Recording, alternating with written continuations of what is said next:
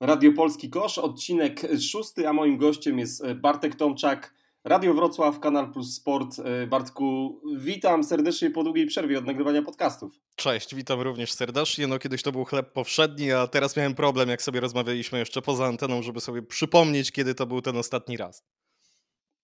E, przechodzimy od razu do, do najważniejszej rzeczy czyli do Twojego komentowania meczów e, w Kanal Plus. Powiedz, e, przypomnij słuchaczom, od, od ilu lat już to robisz i jak się tam znalazłeś? Wiesz co, no, robię to od tego pandemicznego sezonu, który tam się, znaczy popandemicznego, tak to sobie nazwijmy, który się zaczął wtedy w grudniu. Jak się znalazłem, to starania były bardzo, bardzo długie. Tutaj wielkie ukłony i i duże zasługi dla mojego szefa redakcji sportowej w Radiu Wrocław, Roberta Skrzyńskiego, który tam x lat temu podał kiedyś takie moje nagranie, e, które robiliśmy z komentarzem i z Maćkiem Kwiatkowskim i z Michałem Górnym gdzieś tam do ludzi z kanału Plus, bo, bo Robert pracuje w kanale, komentował kiedyś piłkę ręczną, teraz komentuje e, piłkarską ekstraklasę i jest tam absolutnie e, topowym komentatorem. No i kiedyś była taka opcja, że wiesz, jakby się spodobałem, że fajnie, fajnie, natomiast zawsze coś gdzieś stawało na przeszkodzie, jak to w tym filmie, oddzwonimy do pana, no nie? I już myślałem, że to się nigdy nie wydarzy, ale przed tym sezonem popandemicznym się jakoś tam zdzwoniliśmy, że tak powiem, z górą kanałową i okazało się, że jak najbardziej, że możemy to zrobić i i tak mnie przyjęli do tej redakcji i do komentowania meczów, więc e, duża zasługa, że spotkałem bardzo dobrych ludzi na swojej drodze, że udało się to w ten sposób gdzieś wypchnąć. Mm, pamiętam, pamiętam że Maciek Staszewski, który teraz stał się pierwszym pierwszym po Mateuszu Babiarzu aktywistą na Twitterze promującym wszystko, co związane z koszykówką. Pamiętam liczbę jego tweetów na twój temat, że Bartek Tomczak do Kanal Plus. Hej Michal Kolo, Bartek Tomczak, najlepszy komentator w Polsce.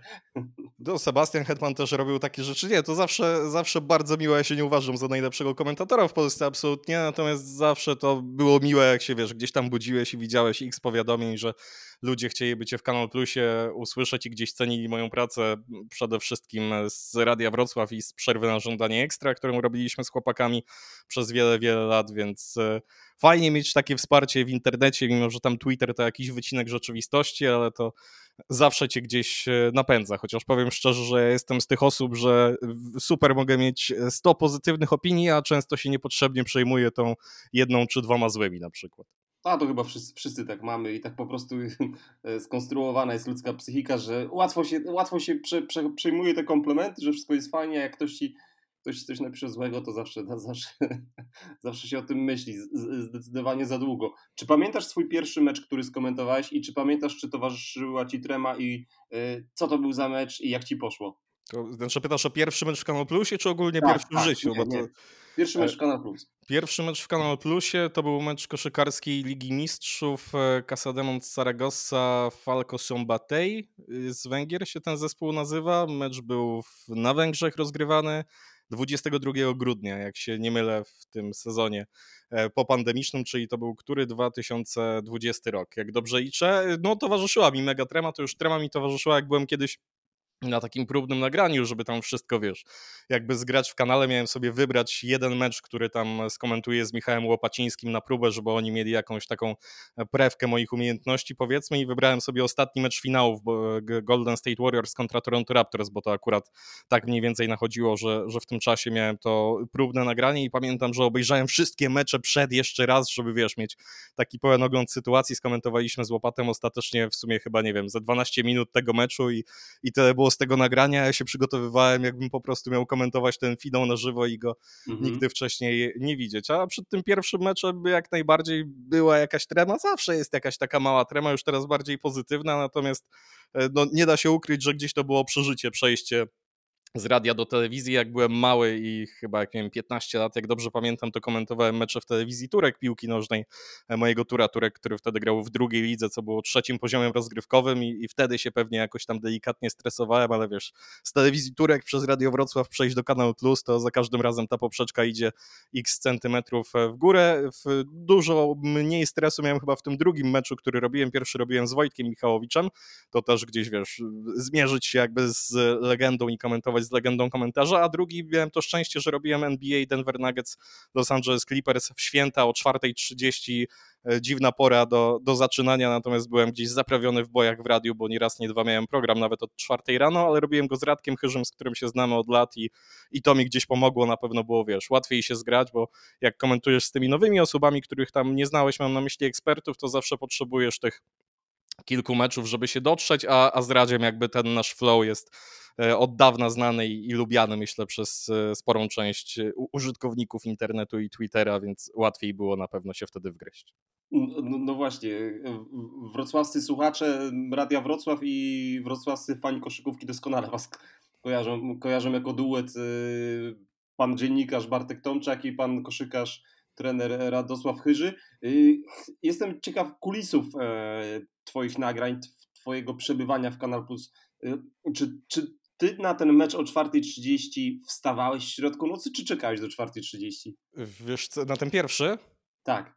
W, wydaje, znaczy, wszedłem spać na pewno gdzieś, e, ciężko mi sobie to aż tak przypomnieć, ale gdzieś tam wiesz, o, o jakiejś 20 czy którejś, żeby się wyspać, tu muszę wielkie ukłony e, do mojego taty skierować teraz, bo te pierwsze mecze, które miałem, to robiłem tak, że jeździłem, to był jeszcze wiesz, taki czas, że wiele rzeczy się robiło zdalnie, nawet w radiu czy gdzieś tam w telewizji, więc nie musiałem być zawsze tutaj na miejscu i gonić do kanału do, do Warszawy, natomiast wtedy jeszcze święta to, to tym bardziej. I te pierwsze mecze jakie były, to zawsze tata mnie woził z mojego rodzinnego tur Turku, czyli w, w środku Polski, w Wielkopolsce mniej więcej, jak ktoś nie wie jak to wygląda, bliżej Łodzi niż Poznania może. Y, i w, tata mnie zawoził, a tam sobie podsypiałem jeszcze w aucie, miałem ten komfort, przyjeżdżasz tam, wiesz, godzinę przed meczem, już jesteś w miarę wyspany, w miarę naładowany masz te baterie, więc nie ma problemu. I tak do dzisiaj robię, w sensie nigdy nie czekam na mecz do 4.30, Zawsze idę spać wcześniej, nawet jak mam mecz o pierwszej 30, to się bardzo rzadko zdarza, żebym nie poszedł spać. Wiadomo, że to nie jest takie spanie, że się tam budzisz 30 minut po północy, ale robię sobie taką porządną drzemkę na przykład, bo tam stacjonujemy powiedzmy w hotelach, jak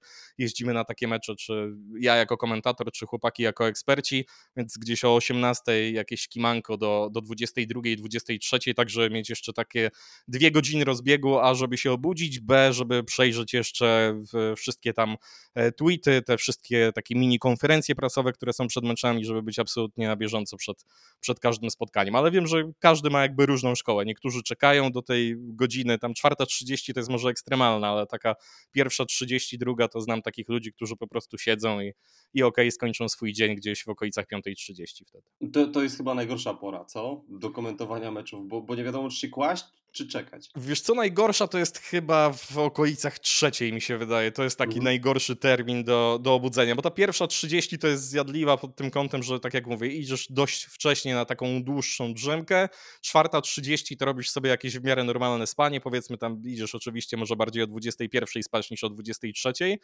Natomiast ta trzecia to tak nie wiadomo jak wycyrklować. No nie? Najlepsze to są te mecze europejskie, bo wtedy jakby nie ma problemu z snem i idziesz od razu o 19, 20 czy tam 21.30, to też e, ludziom się wydaje, że w, nie ma różnicy, na przykład może czy komentujesz taki mecz, czy, czy taki NBA w sensie o porze, ale uwierzcie mi, że dużo trudniej się komentuje ten nocny mecz niż ten, który robisz jakby w takim rytmie swojego dnia. No nie? Zupełnie inaczej organizm pracuje tak dwie godziny po wybudzeniu niż jak to masz już jakby na taki deser i i, robisz to w takim prime time polskim. Mhm. Yy, czyli ty teraz kursujesz pomiędzy Turkiem, Warszawą a Wrocławiem, dobrze rozumiem? Znaczy teraz kursuję jeszcze pomiędzy Turkiem, bo miałem mecze Ligi Hiszpańskiej, więc one są o takiej bardzo zjadliwej godzinie, więc akurat wypadały tak jak miałem wolny dzień w radiu weekendowy, więc zawsze fajnie odwiedzić rodzinne miejsce i podjechać e, do Taty, natomiast zaraz się zacznie sezon, już tam e, od wtorku startujemy z NBA i potem będzie intensywnie, więc to już będzie taka podróż typowo Wrocław, Warszawa, Warszawa, Wrocław, więc te 4,5 godziny e, pociągiem w jedną stronę trzeba spędzić i potem w drugą, żeby dojechać i przyjechać mhm. ze stolicy. Sam mecz to do około 2 godzin, 2 godzin 30 minut, 3 godzin e, komentarza. Powiedz mi, ile zajmuje Ci przygotowanie się do meczu i jak to robisz? Wiesz co, przygotowuję się powiedzmy, tylko nie mierz tego taką klepsydrą, no nie? Mniej więcej mhm. tydzień, bo my tam wiemy powiedzmy półtora tygodnia przed, jaki mecz będziemy komentować, więc e, jeszcze to się nakłada na te jakby wcześniejsze mecze, które masz, natomiast jak wiem, że będę komentował mecz na przykład powiedzmy tam Bostonu z e, Minnesotą, no to staram się przez ten tydzień być jakby z jednym i z drugim zespołem, bo e, to NBA to wiesz, mhm. no oglądamy wszyscy, jedne zespoły oglądasz bardziej, drugie mniej, więc nie oszukujmy się, że ktoś tam, kto nie jest kibicem na przykład San Antonio Spurs, w zeszłym sezonie obejrzał więcej niż pięć meczów San Antonio Spurs, no. Nie ma czasu, żeby to wszystko zmieścić, wiadomo, że tam patrzysz jakieś staty, oglądasz sobie jakieś urywki kwart czy highlighty poszczególnych zawodników. No i w zależności od tego, jaki masz zespół, ile się musisz przygotować. Ja mam zawsze taką zasadę, że oglądam trzy mecze wstecz do tego mojego komentowanego danej drużyny, żeby wiedzieć mniej więcej jak ona gra, bo jak komentujesz Boston, no to masz ten Boston, oglądasz x razy w tygodniu, bo to jest topowa drużyna, chcesz ją widzieć, ale jak skomentujesz takie San Antonio Spurs na przykład w zeszłym sezonie, to możesz sobie pomyśleć, kurczę, no nie widziałem ich ze dwa miesiące, wypadałoby jednak poświęcić te 3-4 spotkania, żeby sprawdzić, co oni aktualnie grają, żebyś tam mniej więcej wiedział, czy to jest taka zagrywka, którą zawsze grają na początku meczu, czy może to jest zupełnie coś nowego, szukasz takich fajnych niuansów. Też dużo pomagają ci komentatorzy ze stacji lokalnych, bo oni często przemycają jakieś takie newsy, których nie znajdziesz w internecie, czy na The Athletic, czy na ESPN, czy na Ringerze, czy na jakichś tam innych stronach związanych z drużynami, więc staram się chłonąć tego generalnie jak najwięcej. Mam taką operację, że trwa to mniej więcej tydzień. Szacunek dla mojej żony, że wytrzymuję, jak tu cały czas, wiesz, wertuję jakieś e, strony w necie, albo mówię, nie mogę teraz, bo muszę obejrzeć mecz, ale chcę być jak najlepiej przygotowany zawsze do tego. W NBA jest ogrom jakby tych informacji, więc jest to wszystko łatwiej złapać, ale też jakby trzeba to wyselekcjonować, bo coś, czego się nauczyłem przez to komentowanie w kanalu i to, to dość szybko, że niektóre rzeczy są ci zupełnie niepotrzebne, szczególnie te takie amerykańskie statystyki, które na Twitterze brzmią fantastycznie, że o, Keldon Johnson rzucił 18 punktów i to w ogóle najlepszy występ zawodnika San Antonio Spurs we wtorek 13 listopada w historii organizacji, no nie? To na Twitterze jest wow, zdobędziesz parę serduszek, ale dla y, słuchacza, widza, który to ogląda jest to zupełnie jakby zbyteczne i taka statystyka, która nic nie wnosi, więc trzeba to jakoś fajnie wyselekcjonować selekcjonować. Ja zawsze zwracam uwagę na to, jak kto grał w ostatnich spotkaniach, jak grali w poprzednim spotkaniu z tą drużyną. Szukam jakichś takich sobie, wiesz, serii statystycznych, o których nie przeczytasz nigdzie, tylko musisz je jakby sam wyłapać, że a, tutaj fajnie rzuca z lewego narożnika, x spotkań tu z prawego, tutaj jest lepszy gość bardziej w tej strefie środkowej, tu ma na przykład, nie wiem, 12 meczów na 10 plus punktów i przeglądasz jego karierę, czy kiedykolwiek się zdarzyła taka seria, bo może się zdarzyła na przykład dokładnie w tym samym czasie trzy sezony temu albo z tym samym całym zespołem, więc szukam sobie takich własnych smaczków troszeczkę, ale dużo tego jest mniej przygotowań jest na pewno do, do Ligi ACB, czy jak jeszcze pokazywaliśmy BCL, z racji tego, że meczów jest mniej i informacji jest niestety dużo mniej, bo jak podchodzisz do Ligi Hiszpańskiej to masz e, tylko te gazety lokalne, marka AS i jeszcze co tam jest w danej miejscowości, powiedzmy, i tyle w zasadzie, bo te strony są bardzo biedne, masz tam, nie wiem, jednego czy dwa newsy na tydzień, no to jest malutko, więc musisz się gdzieś opierać, nie wiem, o media społecznościowe, też zawodników, znajdziesz coś fajnego i zawsze to możesz jakoś miło sprzedać. Ostatnio rozmawiałem z innym e, człowiekiem pochodzącym z Wrocławia i też e, wychowanym jakby w radiu, e, z Radkiem Spiakiem, komentatorem sportklubu i on powiedział, że mm, jakby jego dewizą w komentowaniu jest to, żeby, żeby odbiorcy nie przeszkadzać. Chciałem się ciebie spytać, czy ty masz jakąś dewizę, filozofię albo coś, co wyznajesz i co starasz się jakby przemycić, przemycić w swoim komentarzu albo w swoim podejściu do komentowania przede wszystkim dużo emocji, to myślę, że z tego jestem znany i lubiany albo nielubiany, bo to różne są opinie, to też trochę jak gdzieś tam bardziej krzyknę, chociaż wydaje mi się, że podnoszę głos, ale okej, okay, było kilka akcji, gdzie pewnie trochę przesterowałem, to jest z tego, że w radiu też trochę inaczej oddajesz emocje i to taka radiowa szkoła, gdzie nikt tego nie widzi, a ty chcesz tak podkrę mhm. podkręcić to wszystko. Ja mam taką dewizę, żeby mój współkomentator przede wszystkim błyszczał, że ja nie muszę być najważniejszy, że tych słów, które wypowiadasz w trakcie transmisji nie musi być wcale tak dużo. Nie powiem, że się na kimś wzoruje, natomiast mi najbardziej w koszykówce odpowiada komentarz amerykański. Jestem wielkim fanem Mike'a Brina, lubię Briana Andersona z TNT i wszystkich takich tych e, topowych ludzi, którzy fajnie oddają emocje, a jednocześnie nie mówią tak wiele kiedy komentują mecz, bo to nie polega na tym, żebyś te 48 minut mówił. Akcję możesz zrobić na przykład na 5 słów i, i też jest to fajna akcja, jest moment przerwy, dać zagrać kibicom. E, przede wszystkim wiesz, żebyś ich nie zamęczył tym gadaniem przez cały czas. Taka sytuacja, która mi się przypomina idealna do tego, żeby pograć ciszą, to jak Janis Antetokounmpo w playoffach gwizdnęli mu sędziowie, to 10 sekund, które masz do, do rzutów mhm. wolnych ten czas, no nie? Więc mógłbyś to zagadywać za każdym razem, ok, mógłbyś dawać swoje historie, natomiast ja podchodziłem do tego, a miałem potem ze dwa mecze Janisa, że za każdym razem jak Janis stoi na linii i to jest mecz wyjazdowy, bo wiadomo, że w Milwaukee nikt mu nie liczył, to dajesz grać trybunom, bo nie ma nic lepszego, jak one robią one, two i liczą do 10, no to zagra ci rewelacyjnie. Tak samo po jakimś celnym koszu za trzy, takim dagerze nie musisz, wiesz, krzyczeć, mówić, albo robisz to krótko i dajesz zagrać publice, bo ona albo się cieszy, jeśli to jest publika domowa i trafił gospodarz, albo jest totalna cisza i ona mówi więcej niż tysiąc słów. To jest raz. I dwa, ja nie jestem gościem od taktyki. Ja wyznaję takie założenie, jeżeli komentuję z kimś, kto grał w koszykówkę, bo a, on się zna lepiej ode mnie, to nie chodzi o to, że ja się nie znam jakby zupełnie czy coś takiego, natomiast no nie będę się porównywał do Radka Chyrzego, Kamila Hanasa, Huberta Radkę, Waldka i, i, i tak dalej, wszystkich naszych tutaj względy taktyczne, bo oni grali i jedli e, z tego pieca ten chleb i wiedzą dokładnie jak to wygląda, a dwa, myślę, że to jest właśnie ich rola, żeby oni ci wytłumaczyli, że tutaj były nie tak nogi ustawione, tutaj było fajne ścięcie, tutaj była taka zagrywka, tu jest dobre ułożenie rąk przy rzucie, za szybko, za wolno, to jest ich praca, to jest ich moment, oni wiesz, nie muszą sypać ciekawostkami o, o zawodniku, których nikt nie zna, bo ja jestem od tego na przykład, ale oni powinni to tak taktycznie rozrysować, a ja mam cię wprowadzić jakby w taki klimat, atmosferę tego meczu, tak też to robią najlepsi amerykańscy komentatorzy, ja tam nie widziałem, żeby i nie słyszałem, żeby któryś komentator się, wiesz, skupiał jakoś mocno na taktyce i opowiadał ci o tym, jak broni jeden zespół, w jakim systemie, jak atakuje, od tego masz Jeffa Van Gandiego, Marka Jacksona, e, Stana Van Gandiego i, i wszystkich innych tych komentatorów e, w topowych telewizjach. Y, ja, ja to doceniam szczególnie w tym komentarzu amerykańskim i, i szczególnie w tych meczach, które są robione w National TV przez, przez trójkę komentatorów, to to, że czasami po prostu ludzie trafiają do kosza, a oni, a oni po prostu opowiadają o czymś innym i, i, i nie mają takiego nawyku przerywania, żeby mm, powiedzieć słuchaczom, kto właśnie trafił do kosza, no bo przecież to widzimy na, na ekranie. No to też, to też jest różnie raz, że z trzema komentatorami to myślę, że jest olbrzymia sztuka komentować i to chyba tylko to trio, Brin Jackson i, i jeszcze Van Gundy potrafią to robić i oni też mają jakby swój styl, jest tam dużo humoru. Ja nie lubię też z drugiej strony, jak za bardzo od tego meczu odlecisz, bo wiadomo, że jak tam masz już taki e, garbage time i nic się nie dzieje w czwartej kwarcie, no to siłą rzeczy nie skupiasz się na meczu, ale jeśli to jest zacięty mecz, to jest mecz wyrównany, to tych historyjek, jakichś tam anegdotek, jak najmniej, jednak liczy się parkiet. Wiadomo, że nie przez 48 minut, natomiast no, jak już wchodzisz w taką czwartą kwartę, to nie ma opcji, że sobie będziesz tutaj przez cztery następne posiadania opowiadał jakąś historię, która jest średnio związana z meczem. No nie wiadomo, że są takie spotkania, które tam po 8 minutach już wiesz, że nic z tego nie będzie, więc robisz sobie z tego trochę bardziej podcast niż taki normalny komentarz. Albo jak masz taką multiligę, którą miałem przyjemność robić ze dwa razy w zeszłym sezonie, jedną z Radkiem Chyrzem i ciągnęliśmy 6 godzin, no to siłą rzeczy, jak się przerzucasz, a to było 8 spotkań, z jednego na drugie, to a, nie bardzo wiesz, co się działo kilka minut temu, bo tego nie widziałeś, więc opowiadasz sobie trochę o tym naokoło, a ten mecz tak, tak płynie. Natomiast ja lubię, jak mecz jest na pierwszym planie, jest czas na, na trochę porozmawiania o takich rzeczach pobocznych, natomiast też, żeby nie zrobił się z tego jakiś tam, wiesz, podcast i, i będziesz rozmawiał w oderwaniu o, o, od meczu, o, o wszystkim. Czy w, czy w twojej do, dotychczasowej karierze komentatora NBA trafił ci się jakiś game winner?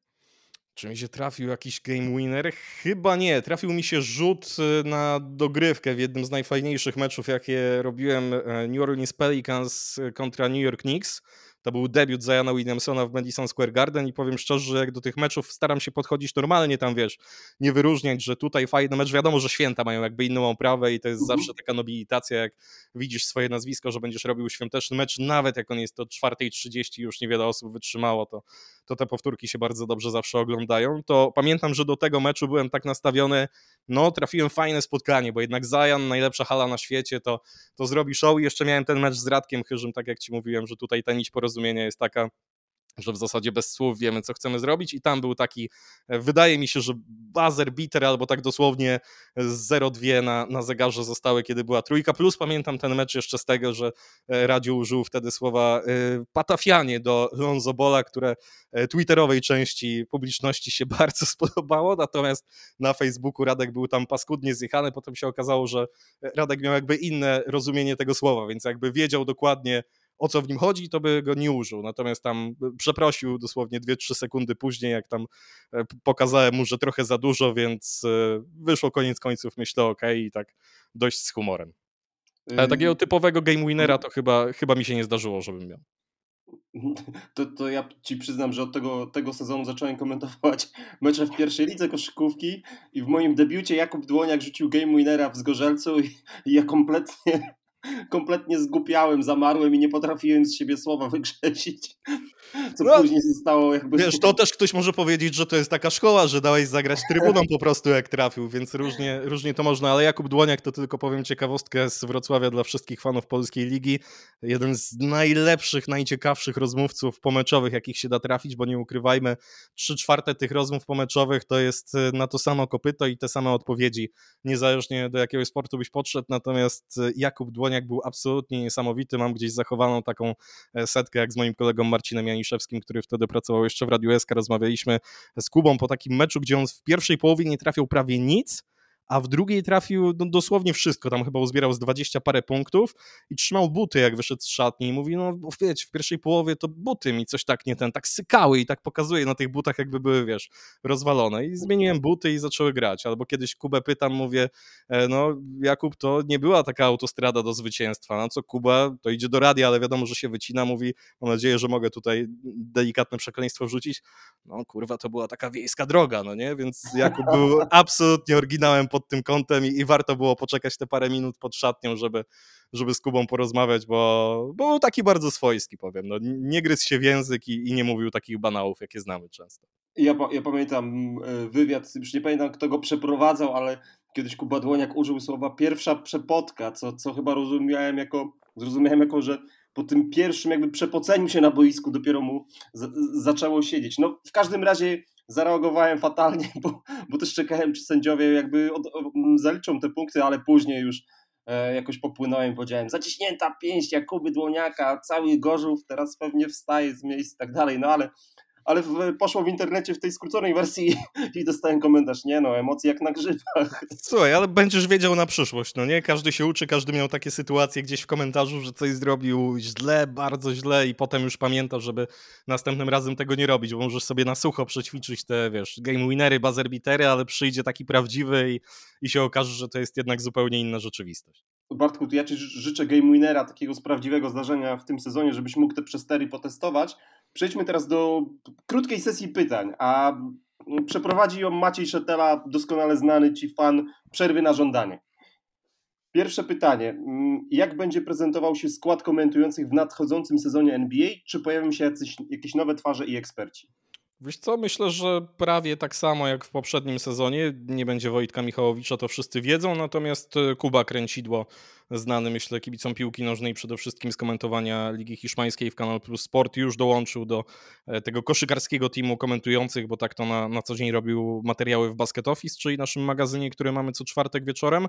No I Kuba już komentował z Michałem Łopacińskim ten mecz w Japonii, który Golden State Warriors grali z Washington Wizards. Razem mieliśmy okazję komentować ostatnio Ligę ACB Baskonia Lenovo Teneryfa i, i Kuba bardzo dobrze czuje, czuje koszykówkę, bardzo dobrze się na niej zna, więc myślę, że to takie takie cenne wzmocnienie i podejrzewam, że się powinien tam e, pojawiać. A poza tym to, to skład jakby zostaje ten sam, czyli ja, Michał Łopaciński, Artur Kwiatkowski, Gabriel Rogaczewski, jeśli chodzi o, o komentatorską kierownicę. Pewnie gdzieś tam Edek Durda e, dojdzie do jakichś spotkań, podejrzewam, bo zawsze e, ma tam ze dwa, trzy mecze w sezonie i jest wykorzystywany w przeróżnych sportach, a jeśli chodzi o ekspertów, to tak jak było, czyli mocna reprezentacja Wrocławia, Dominik Tomczyk, Radek Chyży, Kamil Hanas, do tego jeszcze Waldek Kijanowski i oczywiście Hubert Radke i myślę, a i Szymon Szewczyk, zapomniał jeszcze tutaj, Szymona będziecie mogli zobaczyć zresztą w pierwszym Basket Office, gdzie mają się pojawiać, to już mogę tak zdradzić, myślę, że i Artur i y, Gabryś nie będą mieli nic przeciwko, a chyba też pisali o tym na, na Twitterze, gdzieś będą się pojawiać nowe twarze, których y, albo w ogóle nie widzieliście w Kanal Plus Sport, albo dawno ich nie było. W pierwszym odcinku, co już zapowiadaliśmy obok Szymona Szewczyka, ekspertem będzie Mirosław Noculak na przykład, który lata temu komentował mecze w kanalu jako ekspert, a teraz będzie takim ekspertem na jeden odcinek w Basket Office. O proszę, no to, to, to fajne wzmocnienie, bo, bo Mirosław Noculak to, to, to wspaniały gawędziarz. Yy, powiedz mi, yy, odpowiedz Maćkowi na pytanie, z kim najlepiej ci się komentuje mecze. Tutaj podejrzewam, że odpowiedź już padła, ale... Wiesz co, odpowiedź mogła paść, bo się z Radzim świetnie rozumiemy, natomiast powiem szczerze i wiem, że to może nie jest taka odpowiedź, jak ktoś chce usłyszeć, natomiast z każdym mi się te mecze bardzo dobrze komentuje, bo każdy ma jakby inne walory. Mogę powiedzieć, że z tych osób, które nie znałem, no bo z Radkiem to jest jakby, wiesz, tam oczywiste, znamy się gdzieś tam na jakichś mistrzostwach Polski, nie pamiętam, U16 czy 18 robiliśmy takie jakieś 3-4 mecze, to gdzieś wcześniej wiedzieliśmy, e, czego się po sobie spodziewać, natomiast e, Waldek Kijanowski to była taka postać, z którą jakby od razu, od pierwszej akcji złapałem znakomite flow. Waldek, z tego co wiem, w ogóle przed moim pierwszym meczem przygotował się do tego stopnia, że gdzieś sobie zobaczył jakiś mój wcześniejszy mecz w kanale, który komentowałem, żeby mniej więcej wiedzieć, jak ja komentuję i jak się dostosować, bo Waldek to jest taki kameleon. Jak będzie trzeba więcej mówić, to będzie więcej mówił. Jak będzie trzeba mniej mówić, to będzie mniej mówił i z Waldkiem mam chyba takie dla mnie najzabawniejsze i jakieś takie najmilsze wspomnienie z dziupli komentatorskiej robiliśmy mecz Phoenix Suns Atlanta Hawks, jakby już absolutnie tutaj e, było po meczu, wynik ustalony, rezerwy rezerw w jednym i w drugim mhm. zespole. I mówię, że tam wszedł ziomek z Atlanty, który dosłownie, nie wiem, może zagrał z 6 minut w tamtym sezonie NBA, no ale znalazłem taką ciekawostkę, że chodził do tej samej szkoły, do której chodził Abraham Lincoln i jeszcze piąty prezydent Stanów Zjednoczonych. I Waldek tak na mnie patrzy i mówi, nie, Niemożliwe. Cały mecz czekałeś chyba, żeby to powiedzieć. Skąd to znalazłeś? No nie muszę ci przybić piątkę chyba. I wystawił piąteczkę, ja mu przybiłem, nawet było to delikatnie słychać na antenie, więc to taka, taka miła rzecz. Natomiast każdy coś tutaj wnosi, nawet jak ktoś mówi, że Dominik Tomczyk na przykład się mało odzywa, to zwróćcie też uwagę, że jak Dominik Tomczyk się odezwie, to jednak jest to takie mięso 10 na 10, na przykład moim zdaniem, jeśli chodzi o, o czytanie koszykarskiej gry, więc z każdym bardzo fajnie. Hubert Radke zna bardzo dobrze te amerykańskie realia. Kamil Hanas jest taki żywiołowy, Szymon Szewczyk mnóstwo takiego parkietowego doświadczenia wnosi, więc naprawdę nie jest tak, że ja widzę jakieś nazwisko i mówię, znowu z nim mecz na przykład. Nie, to jest bardzo fajnie i, i dobrze, że wiem z góry z kim komentuję, bo to też trochę inaczej się do, do każdego trzeba nastawić, no nie, bo mniej więcej każdy ma, ma inny styl, natomiast całą tę ekipę lubię i z całą tą ekipą się bardzo przyjemnie pracuje. Ostatnie pytanie od Maćka. Czy bardzo tęsknisz, tęsknisz za przerwą na żądanie ekstra? Nie, nie tęsknię bardzo, w ogóle nie tęsknię, jak mam być szczery, to był bardzo fajny no fragment, duży fragment mojego życia, natomiast y, no gdzieś się wypala formuła po iluś latach, my to robiliśmy prawie, wydaje mi się, że prawie 10 lat albo 8, coś takiego z jakąś małą przerwą, natomiast już gdzieś pod koniec e, ilość pracy, jaką musiałeś włożyć, żeby do tego podcastu doszło, wiesz, tu przekładania czegoś zgrać. z jednej strony, zgrać, bo komuś nie pasuje taki termin, mi nie pasuje taki, komuś nie pasuje inny, to już zresztą tam od kilku sezonów było tak, że wiesz, póki nie miałeś pracy, to, to było ok, jak byłeś studentem, bo mogłeś to zrobić w każdy dowolny dzień, przynajmniej dla mnie, a Michał, Maciek i, i, Przemek poza Michałem powiedzmy nie mieli takiej pracy, która by wymagała, że tylko od takiej do takiej godziny mogą mogą nagrywać, natomiast na koniec to już się zrobiło męczące i powiedzmy nawet jak była satysfakcja z tej godziny nagrania, to tyle energii, ile ci zabierał ten tydzień przygotowywania, to myślę, że skończyliśmy to w bardzo dobrym momencie. Fajnie, że się trafiła pandemia i jakoś to tak wygasiła jakby naturalnie. I ostatni odcinek skończyliśmy świetnym pytaniem, co w sobie lubimy nawzajem, i myślę, że to była piękna, piękna klamra kompozycyjna tej przerwy na żądanie. Myślę, że fajny wycinek, jeśli chodzi o podcasty w internecie. Nie byliśmy pierwsi, bo wiem, że ktoś tam przed nami kiedyś robił, natomiast no, byliśmy na pewno e, najdłużej działającym regularnie podcastem do momentu, aż się zamknęliśmy. Mhm. Zostawiliście jakby palmę pierwszeństwa w tej kategorii podcastowi między rondem a palmą, który który nadal, nadal yy, Mówisz o długości jakby, tak? W tym sensie, w długości Tak, tak, w ciągłości, w ciągłości. No ale, ale, ale na pewno przyznasz, że przerwa na żądanie to też było yy, mimo wszystko jakby, no nie wiem jak to ująć, ale wydaje mi się, że to też jakby ważny wpis w twoim, w twoim redaktorskim CV i też w jakiś sposób mogło, mogła się przerwa przyczynić do tego, że ludzie cię zaczęli kojarzyć z NBA. No to na pewno, no, gdyby nie to, to jakbym zupełnie nie był kojarzony z NBA, tak? Bo ludzie by mnie znali z Radia Wrocław, powiedzmy, natomiast nie byłoby, wiesz, żadnej takiej otoczki, że o, to jest gość, który może fajnie komentuje mecze w radiu, natomiast co on wie o NBA, jak on tu opowiada o Jakubie Dłoniaku i e, Martinie i innych zawodnikach Śląska Wrocław na przykład, a, a tak to miałem jakiś taki feedback, że chyba byłem jakąś taką w miarę lubianą postacią, mimo że wiesz, nie byłem żadnym głównym punktem tego programu, to też jak pytałeś o, o moją filozofię komentowania, to mniej więcej taka jak w przerwie, bo ja się tam odzywałem pewnie na godzinę podcastu przez 5 minut, natomiast ja miałem zacząć, żeby to było dobrze zaczęte, żebyś wpasował w rytm tego programu, o czym będzie i potem dobrze rozdzielać, jak za daleko gdzieś odpływali panowie w jakimś temacie, to przerwać, przerzucić piłeczkę na drugą stronę i tak jak rozgrywający na boisku trochę coś takiego, no nie? Nie musisz być najważniejszy, asysta znaczy więcej niż punkty, oni niech tam punktują i mówią najmądrzejsze rzeczy, a ja będę tylko tutaj ustawiał, że, że teraz zagramy tak, teraz zagramy w ten sposób, więc no, na pewno przerwa była fantastyczną przygodą i ta y, podcastowa, i ta, którą kiedyś robiłem, nie wiem jak na to znajdowałem czas i poświęciłem masę swojego studenckiego życia, w sensie ono poszło gdzieś do kosza, ja siedziałem w nocy i, i rano i robiłem takie skróty na, na YouTubie, jeszcze gdzieś są tam do zobaczenia, jak to wszystko wyglądało. Najpierw robiłem raz w tygodniu, potem robiłem z każdej nocy w zasadzie, więc e, i tak zupełnie z jakiejś zajawki i pasji, to też się potem przydało w takiej dziennikarskiej pracy na pewno, bo było jakieś w miarę obycie z mikrofonem, chociaż nic nie dało tyle, co, co praca w Radiu Wrocław, bo tutaj jakby wiesz, ta, ta praca głosem przez tyle lat to zdecydowanie zrobiła swoje, natomiast przerwa fajny czas, myślę, że jak byliśmy w czwórkę plus jeszcze Sebastian Hetman, to z całym szacunkiem dla wszystkich innych podcastów, to byliśmy wtedy absolutnie w prime i moim zdaniem, jak przy komentowaniu mam skromność, że lubię, jakby miło mi jest, jak czytam, że ktoś uważa, że jestem najlepszy, natomiast nie czuję się taki, bo widzę jeszcze sporo niedoskonałości, tak myślę, że wtedy, jak mieliśmy taki absolutny prime tego podcastu, to, to był to najlepszy polski podcast o NBA. A teraz się panowie odnaleźli jakoś e, spoko, w sensie Maciek ma dalej palmę, Michał robi bardzo dobry podcast specjalny live, który e, jak tylko mogę, to staram się słuchać e, i z Karolem Śliwą i z Maćkiem Staszewskim, no i mój absolutnie ulubiony podcast, jaki jest nie w takim trybie daily, czyli gruba lady podcast, to naprawdę Przemek Kujawiński, Piotrek Kolanowski, świetne opowieści i zawsze sobie te odcinki godzinne tak zostawiam na, na jakieś dwie, trzy części, żeby nie zmarnować tego, co się pojawia tak rzadko, żeby mieć, wiesz, jak taki mini serial bardziej niż jakiś dokument jeden. Wyczerpaliśmy w ten, w ten, w ten sposób serię pytań e, od, od Maćka Szeteli, który jako jedyny wziął udział w tej zabawie. Dziękujemy Ci Maciej, że, że, że, słuchasz chyba wszystkich możliwych podcastów, e, jakie są w internecie i że jesteś aktywnym ich uczestnikiem. Y, przejdźmy do NBA. Pierwsze moje pytanie to też jeszcze pytanie, które jakby wiąże się, wiąże się z komentowaniem meczów. Chciałem się Ciebie spytać, czy Wy jako komentatorzy macie wpływ na to, co jest wybierane i prezentowane na antenie?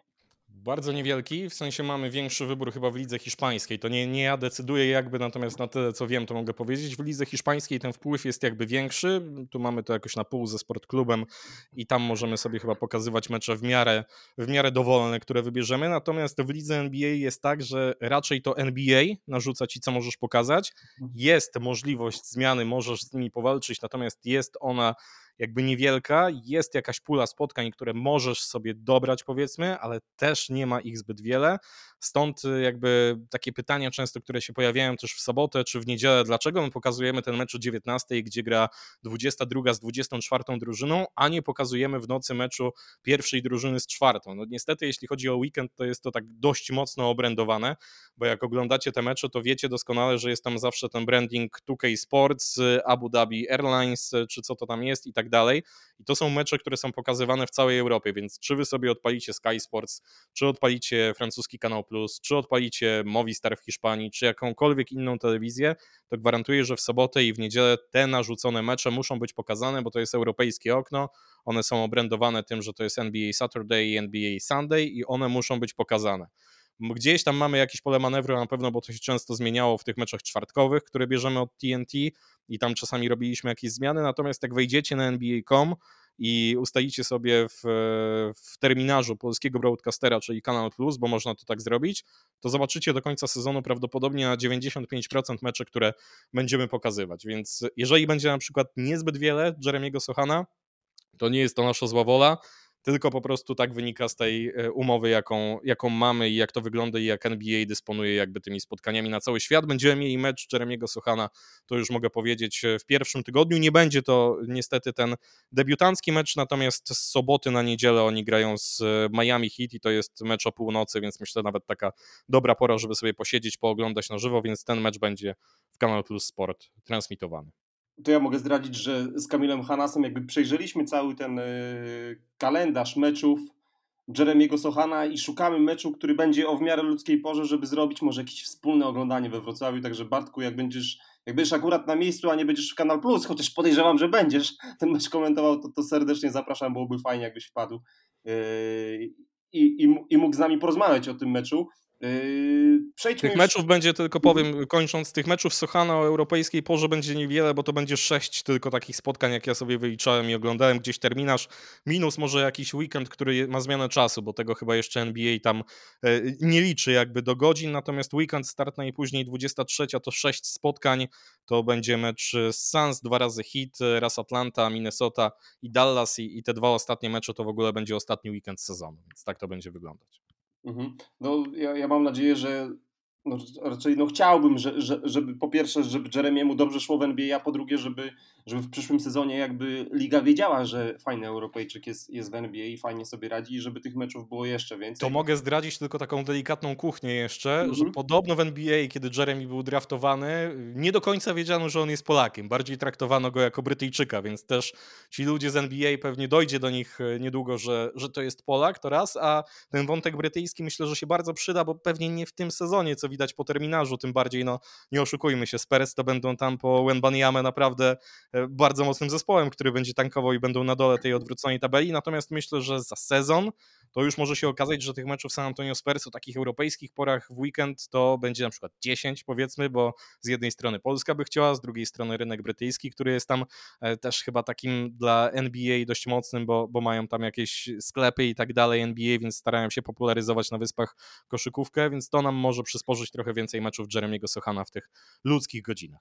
No i jeszcze gdyby udało im się z Wiktorem Wembanyamą, to to... to już myślę, że wtedy nawet wtedy nie te tak. europejskie godziny, tylko ESPN i TNT się odezwą, bo w tym sezonie będzie tylko, jak dobrze pamiętam, jeden mecz z Perez w tym National TV pokazywany. Mam na myśli właśnie ESPN i TNT, bo, bo NBA TV to nie zaliczam jednak do tego.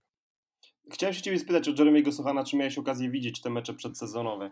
Które rozegrał do tej pory. E, cztery. Mia, miałem okazję widzieć highlighty z dwóch powodów. Po pierwsze, że większość tych meczów, tylko ten ostatni, jak się dobrze orientuję, który był, nie wiem kiedy to będziesz puszczał, natomiast dla nas minionej nocy z Utah Jazz był transmitowany w jakichś ludzkich warunkach na, na League Passie i że można go odwinąć. Poprzednie spotkania były transmitowane tylko w aplikacji i nie można było do nich sięgnąć e, w trybie on demand, żeby sobie potem, potem obejrzeć to raz, a dwa, absolutnie nie wierzę w preseason, oglądam tak powiedzmy po po 5 minut i tyle mi wystarczy, bo nikt nie traktuje tego preseasonu poważnie. On jest bardziej dla takich zawodników gdzieś tam może z końca ławki rezerwowych, albo przede wszystkim dla tych, którzy walczą o jedno miejsce, które ci zostaje w rosterze, więc tak z przymrużeniem oka. Natomiast widziałem te wszystkie highlight, highlighty, które robi i Zarychta i jeszcze Tomek Kordylewski na zasadzie, wiesz, dobrych, złych akcji.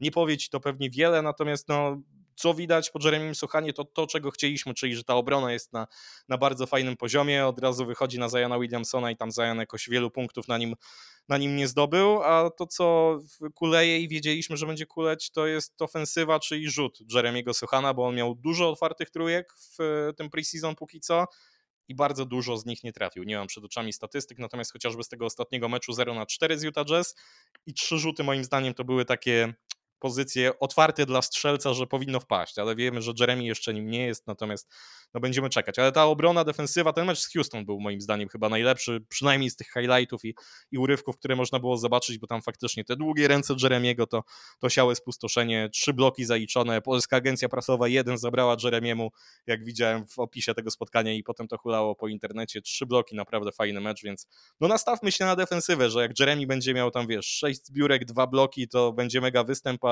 nie patrzmy, że Jeremy będzie robił po, po 10-12 punktów, bo do tego raczej nie będzie dochodzić mi imponuje to, jak on się porusza w obronie.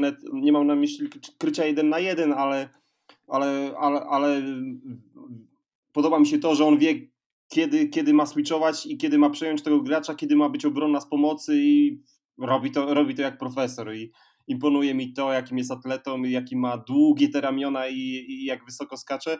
No nic. Tego no. switchowania chyba będzie dużo, bo mówię, nie tak. widziałem tego meczu w całości, natomiast gdzieś mam trzech, czterech takich beatwriterów poważnych San Antonio Spurs i oni się dzisiaj zachwycali, jak ta trójka Vassell, Johnson i, i Sochan się wymieniała tym kryciem, więc e, no mówię, oglądajmy sobie Jeremiego pod takim defensywnym kątem i jak liczymy na coś w tym sezonie, to moja wymarzona kariera Jeremiego w tym debiutanckim sezonie to jest taka jak e, Herb Jones e, w New Orleans Pelicans, gość, który się dał poznać z niewiarygodnej obrony, który zatrzymywał nawet gwiazdy. Pamiętam, miał taki mecz z Donovanem Mitchellem, że chyba Mitchell tam poszedł 1 na 7 z gry i potem mówił, że nie no, na tego debiutanta to się trzeba przygotować, swoje akcje w ataku, żeby go tam e, gdzieś ominąć, bo jest naprawdę ciężki do zatrzymania i, i Jones miał 10 punktów e, do drugiego składu najlepszych defensorów, do którego się nie dostał, więc jak na koniec sezonu się okaże, że Sochan dostanie jakieś punkty e, do drugiej defensywnej piątki, jak Zach na przykład będzie o nim mówił w swoim podcaście, że no Sochan to jest fajny gość, nie tylko Simons, który jest jego absolutnym fanem i gdzieś tam się kręci w okolicach tej drugiej piątki najlepszych obrońców, to to by była absolutna bajka i sezon taki 6 na 6 uważam dla Jeremiego. Herb Jones w swoim debiut, debiutanckim sezonie trafił 57 na 169 trójek, czyli blisko 34% za 3. No, marzę, żeby Jeremy chociaż trafił 40 trójek w tym sezonie e, i żeby tych rzutów też było około 160, a wydaje mi się, że będzie, bo, bo już te mecze preseason pokazują to, że że jak on ma pozycję w ataku, to to zazwyczaj jest albo to, że idzie na ofensywną, ofensywną zbiórkę. Mało było w ogóle katów, to mnie zastanawia, e, z wykorzystaniem jakby atletyzmu Sochana, natomiast tych trójek otwartych było sporo. Ja myślę, że też e, kluby NBA będą, będą go odpuszczać i będą go zachęcać do tego, żeby jak najwięcej rzucał. Wściekam się, że nie ma już chipa Engelanda w, w San Antonio, bo, bo jakby to była moja pierwsza myśl po tym, jak, jak Jeremy założył czapeczkę Spurs, no, no, że trafia pod skrzydła Chipa, a Chip przecież z Kałaja zrobił świetnego strzelca i, i z wielu innych graczy, którzy nie byli świetnymi strzelcami. No, bardzo żałuję, że jego nie będzie, ale podejrzewam, że będą mocno pracować nad tym, aby ten jego rzut wyglądał lepiej, bo on też on też chyba mechanicznie nie wygląda jakoś specjalnie. Tak mi się przynajmniej ja, ja mam takie wrażenie, ja nie jestem żadnym byłym koszykarzem, natomiast pewnie gdzieś w transmisjach i w studiu to wyjdzie, że faktycznie ten rzut jest jakiś taki trochę koślawy, jakby to była taka ostatnia rzecz, której się Jeremy uczył, natomiast to o czym mówisz, to tak wyglądało w tych przynajmniej highlightach preseasonowych, że jest zielone światło do tych rzutów za trzy punkty, bo czasami wiesz, ktoś, kto nie rzuca i nie trafia, tak jak Jeremy, to rzuci jeden i, i potem się zastanawia, czy mogę rzucić jeszcze raz? Nie, bo trener będzie źle patrzył, a, a wygląda na to, że jest zielone światło. San Antonio też na tym będzie zależeć. Niech on się uczy rzucać to raz, a jak będzie pudłował, to trochę to są jak takie małe zwycięstwa dla San Antonio, bo oni pierwszy raz od wieków, no ewidentnie będą tankować, pierwszy raz od 100 lat, e, powiedział e, trener Greg Popowicz, że no nie stawiajcie na San Antonio, jeśli chodzi o mistrzostwo, bo go nie zdobędziemy w tym sezonie. Więc... Jedźcie do Vegas, nie stawiajcie pieniędzy. Tak, dla mnie ten sezon to będzie taka kalka tych rozgrywek 96-97, gdzie David Robinson zagrał 6 spotkań, bo miał kontuzję pleców i stopy i San Antonio Spurs, drużyny, która w poprzednim sezonie była w półfinale konferencji, która była druga na zachodzie w fazie zasadniczej spadła na 13 przedostatnie miejsce, e, tylko niżej byli Vancouver Grizzlies, to już było trudno gonić i, wzięli potem takiego bardzo dobrego gościa E, pod kosz, który miał taki wyuczony rzut od tablicy i został Hall of Famerem, nazywał się Tim Duncan, więc zobaczymy, czy się uda zatankować po tego Wembanyamę, natomiast myślę, że świetnie, że Sochan trafił A do organizacji takiej jak Spurs, która go nauczy tych rzeczy, których nie potrafi, organizacja absolutnie 10 na 10 i, i w top 5 NBA i dwa, że trafił do takiego zespołu, który po prostu będzie e, tankował, no nie ukrywajmy. Będzie miał okazję do gry, bo też ja sobie sprawdzałem, jak ci debiutanci grali u, u Grega Popowicza, bo chodziły takie głosy, że debiutanci u Popowicza grają bardzo małe minuty i jakbyśmy sobie prześledzili tych z lat takich mocno minionych, e, mam na myśli Dejante Mareya, Derricka White'a czy Loniego Walkera, graczy wybranych pod koniec pierwszej rundy draftu, to oni faktycznie, czy grali mniej, czy więcej spotkań, czy mieli jakieś kontuzje, to żaden z nich nie grał więcej niż 10 minut na mecz. Natomiast te ostatnie wybory, jak sobie sprawdzimy, czyli Primo z mm, poprzedniego sezonu 19 minut na mecz, wiadomo, że był zsyłany do, do G-League, Wassel w 20 17 minut na mecz i Johnson w 19 17 minut na mecz. W zasadzie tylko z tego grona to e, Szamanić się nie przebił, on zagrał trzy mecze tylko, no ale to nie jest zawodnik na, na poziom NBA, więc myślę, że tutaj nie mamy co patrzeć. Jak Jeremy Sochan będzie grał w okolicach tego, co powiedziałem o Primo, Wasselu i Johnsonie, to będą to myślę bardzo fajne minuty jak na, na debiutancki sezon Popowicza. Tak, tym bardziej, że niezależnie od tego, czy, czy Jeremy wychodzi w pierwszej piątce, czy gra z ławki, to, to tych minut w tych meczach y, preseason było około 18-20, więc ja myślę, że ja myślę, że te minuty już są po prostu zaprojektowane w ten sposób i, i to jest też to, to, o czym mówił Karol Śliwa w naszej poprzedniej rozmowie, że skoro Jeremy Sochan został wybrany z dziewiątym numerem draftu, no to, to znaczy, że Spurs będą w niego chcieli inwestować, i, a to z kolei oznacza, że będą chcieli dawać mu minuty do grania. No oczywiście, że tak. To też jest inaczej, jak wybierasz z tak wysokim numerem, a jak wybierasz z 27, tak? Są zupełnie inne oczekiwania względem takich debiutantów. Jedna rzecz, po tym dzisiejszym meczu Greg Popowicz powiedział, że to jest możliwe, to jest prawdopodobne na pytanie, czy Jones, Vassell, Johnson, Sochan i Perl to będzie taka wyjściowa piątka na, na pierwszy mecz e, sezonu, więc życzylibyśmy sobie tego, żeby Jeremy w tej wyjściowej piątce grał, czy to się spełni, czy nie, to też zobaczymy, zobaczymy jak te role przez Popowicza będą przydzielone. No jeden taki minus na pewno do oglądania San Antonio Spurs poza tym, że będą przegrywać mecze i, i proszę się nie nastawiać na nic wielkiego, to jest to, że San Antonio Spurs nie mają w zasadzie rozgrywającego bo rozgrywającym jest Jones, który jest bratem tego Jonesa z e, Grizzlies, którego doskonale znamy. To, co łączy obu braci, to to, że absolutnie nie tracą piłki, natomiast ten, który gra w San Antonio Spurs jest dużo mniej e, utalentowany, słabo rzuca, to było 19% e, za 3, tak mi się wydaje gdzieś, czy w ogóle taki ogólny rzut w ostatnich sezonach, więc no nie ma tutaj rozgrywającego, może Primo będzie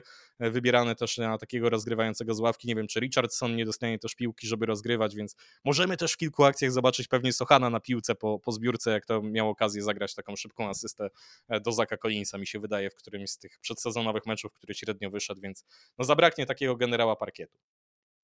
Będziesz oglądał San Antonio Spurs? Będziesz no. chciał obejrzeć 82 mecze, czy, czy, nie będziesz miał czasu? Czy w ogóle nie, nie masz takiego założenia? No bo 80... ja, oczywiście, ja oczywiście jestem psychofanem San Antonio Spurs od, od momentu dnia draftu. Od 82 meczów to nie obejrzę żadnej drużyny, bo to, to nie ma szans. To nawet jak byłem turbofanem Kobiego Bryanta i oglądałem Los Angeles Lakers w czasach przedlig pasowych albo początkowo lig pasowych, to nigdy mi się nie udało zrobić 82 na 82, bo jest to po prostu niemożliwe. Natomiast na pewno będę, będę zaglądał, będę się starał pewnie ten raz czy dwa razy w tygodniu zobaczyć San Antonio. Powiedzmy, jak będą trzy mecze, to, to siłą rzeczy gdzieś jeden odpuszczę. Natomiast na pewno będę oglądał, jeśli meczu nie zobaczę, to E, albo samego Suchana tak e, bo to można bardzo łatwo zrobić, nawet nie mając League Passa, to też taka informacja dla, dla wszystkich, że jak sobie wejdziecie w statystyki NBA i klikniecie, bo wiadomo, że tam na YouTubie to ktoś to pomontuje, więc będzie ok, natomiast każdy inny zawodnik, wchodzicie w statystyki, w taki box score statystyczny na NBA i tam są rzeczy podświetlone po prostu, więc jak jest napisane, że ktoś ma cztery bloki, klikacie w to i dostajecie cztery filmiki z czterema blokami Jeremiego Sochana na Zajanie Williamsonie w meczu fazy zasadniczej, bo wiadomo, że taki będzie na pewno i, i tak to wypadnie, więc będę się starał, też na Nick Passie jest taka fajna opcja od tego sezonu wprowadzona, że już nie tylko te 10-minutowe skróty z samymi rzutami, natomiast będą takie 30-minutowe skróty z wszystkimi posiadaniami, dobrymi i złymi. To się będzie trochę ciężko oglądać, bo widzę tak po pre-seasonie, że one są cięte gdzieś tak wiesz, od 12 sekundy zaczynasz tę akcję, więc może być taki za duży ping-pong. Natomiast tyle, ile będę mógł, to się będę starał oglądać Jeremiego, też będziemy o nim mnóstwo mówić na pewno e, w Kanal Plus Sport, przede wszystkim w Basket Office. Podejrzewam, że co tydzień taki kącik Jeremiego się pojawi, więc ta jego analiza gry będzie, będzie spora i będziemy z niego korzystać, że jest w NBA, no bo to będzie jakby, wiesz, taki magnes, który będzie przyciągał. To świetna nowość, to o czym mówisz, te półgodzinne skróty, bo mi tego strasznie brakowało ja nie mogłem oglądać tych skondensowanych skrótów, bo, bo one wypaczały według mnie jakby oglądanie koszykówki. No skoro widzisz, że wszyscy trafiają, to myślisz, że wszyscy są świetni, a tak znaczy, wiesz, taki skondensowany skrót jest fajny z całym szacunkiem do meczu, na przykład jaki będzie w tym sezonie Oklahoma City Thunder Utah Jazz, bo niekoniecznie chcesz marnować nawet 30 minut na taki mecz, bo nie ma tam za bardzo co oglądać. Natomiast wiesz, zawsze się możesz czymś takim poratować, nie powie ci to nic o meczu, natomiast jeśli chcesz to wrzucić na zasadzie przyjemności, ja sprawdzę jak ten gość zdobył 20 punktów, co normalnie nie gra, to to czemu nie? Też bym tak, wiesz, nie, nie rozgraniczał, że jak ktoś ogląda highlighty, to wynocha, nie masz prawa mówić o NBA, no nie? Na tej zasadzie. Oczywiście, że tak, tylko że, że wiesz, no, jeżeli ktoś się zajmuje dziennikarstwem, to. To, to jak najbardziej, to, to w ten to sposób tak. Natomiast mówię, wiesz, mówię o mhm. takich kibicach, bo często widzę na Twitterze, czy gdzieś taka opinia panuje, że spadaj, bo oglądasz tylko highlighty, wyniki, śledzisz statystyki, box scory znasz, a, nie powiesz mi, jak oni tu grają pick and rolla i tak dalej. No nie, niech każdy ogląda jak chce, mam na myśli widzów, a wiadomo, że my dziennikarze mamy być przygotowani na tip-top i, i nie ma prawa nas nic zaskoczyć, jeżeli chodzi o takie podstawowe rzeczy, które się wydarzają x spotkań wcześniej. Ja się, ja się ogromnie cieszę, że Jeremy Sohan jest w NBA i, i, i to będzie też dla mnie magnes, żeby, żeby oglądać NBA więcej niż do tej pory, bo przyznaję, że od kilku sezonów, e, od, od momentu, w którym odkryłem, że jest coś takiego jak Euroleague Pass, to, to jednak e, poświęciłem się, poświęciłem ten czas na nieoglądanie PLK, głównie na oglądanie Euroligi, która jest niesamowita i, I... No to są, wiesz, dwie szkoły. Jeden woli e, blondynki, drugi woli brunetki, tak? Są ludzie, którzy wolą europejską koszykówkę, są tacy, którzy na europejską to patrzą w ogóle inny sport, ale NBA to właśnie możemy oglądać mecz Utah Jazz, Oklahoma nie ma problemu, ale w Europie to Real Barcelona to zupełnie nie kręci. Mhm. Y zostawmy Jeremiego Sochana, czekamy na pierwszy mecz w Kanal Plus y z, z twoim komentarzem. Yy, myślę, że to będzie niesamowite przeżycie dla wszystkich fanów NBA z Polski. Yy, chciałem się ciebie jeszcze... Tylko tak od razu powiem, że nie wiem, kto będzie komentował ten mecz, więc żeby tak nie zabrzmiało, że to ja będę robił. Kto by tego nie zrobił, to, to będzie to dobra robota na Dobra, pewno. To, to, Maciek Staszewski zadba o to, żeby, żeby przeprowadzić kampanię na Twitterze. Ja, ja też powiem szczerze, że wiesz, nie mam takiego, że fajnie, że jestem Jeremy Sochan, natomiast nie mam czegoś takiego wewnętrznego, że moje życie się zmieni, jak skomentuję mecz Jeremiego Sochana. No nie na tej zasadzie, więc jeżeli się trafi, to bardzo fajnie fajnie. Tak jak ci mówiłem, był ten jeden mecz Zajana, gdzie faktycznie gdzieś tam nutka ekscytacji była. Pewnie jakbym tego Sochana dostał, to, to bym się trochę bardziej spinał nawet, bo to wiesz, jest większe wyzwanie, więcej widzów, gdzieś się delikatnie pomylisz i, i będziesz tutaj bardziej oceniany, więc e, na pewno to będzie taka podwójna mobilizacja, natomiast spokojnie, czy ja skomentuję mecz Sochana, czy skomentuję mecz, który będzie następnej nocy, czy, czy wezmę mecz otwarcia, to naprawdę nie ma to dla mnie różnicy. Każdy mecz, podchodzę do niego tak samo, powiem, jak koszykarze, piłkarze, i wszyscy inni. Nie patrzymy, naprawdę, to, to jest zabawne, że od, y, jak idę na rozmowy, to oczekuję, że ktoś mi powie, że to ostatnio na przykład ten mecz z Anwinem Włocławek na przykład, albo teraz dla Śląska Eurocup, to jednak jest ważniejszy, bo nie, bo nie chce mi się wierzyć, że jest taki sam jak w PLK, natomiast tak patrzę na to NBA i mówię, no najlepsza liga świata, co ja mam tutaj, wiesz, czy ja skomentuję Boston z Filadelfią, czy skomentuję San Antonio z Miami, czy skomentuję potem chyba jest Lakers z Portland w niedzielę, czy coś takiego, to jest nie ciągle NBA. Wybrać to jest ciągle NBA, wiesz, to nie jest tak, że masz do wyboru, skomentujesz Polpak Świecie na przykład z hawajskimi koszulami, już nie pamiętam skąd był ten zespół, a skomentujesz mecz NBA, to tu możesz wybrzydzać, tak, a, a tutaj to jest zawsze NBA, więc zawsze to jest niesamowita przyjemność. Hawajskie koszule Żory, o ile dobrze tak, pamiętam. Komentowałem, komentowałem tam jeden mecz i i to pamiętam jeszcze w takim fajnym miejscu, bo byłem praktycznie przy linii bocznej, bo nie było takiego stanowiska dla komentatora i, i Grzegorz Krzak, który był wtedy asystentem w Śląsku Wrocław w drugiej lidze, mówi, no fajnie, fajnie, tam pan komentował, słyszałem co pan tutaj mówił o naszej grze, no nie, więc to zawsze takie pozytywne.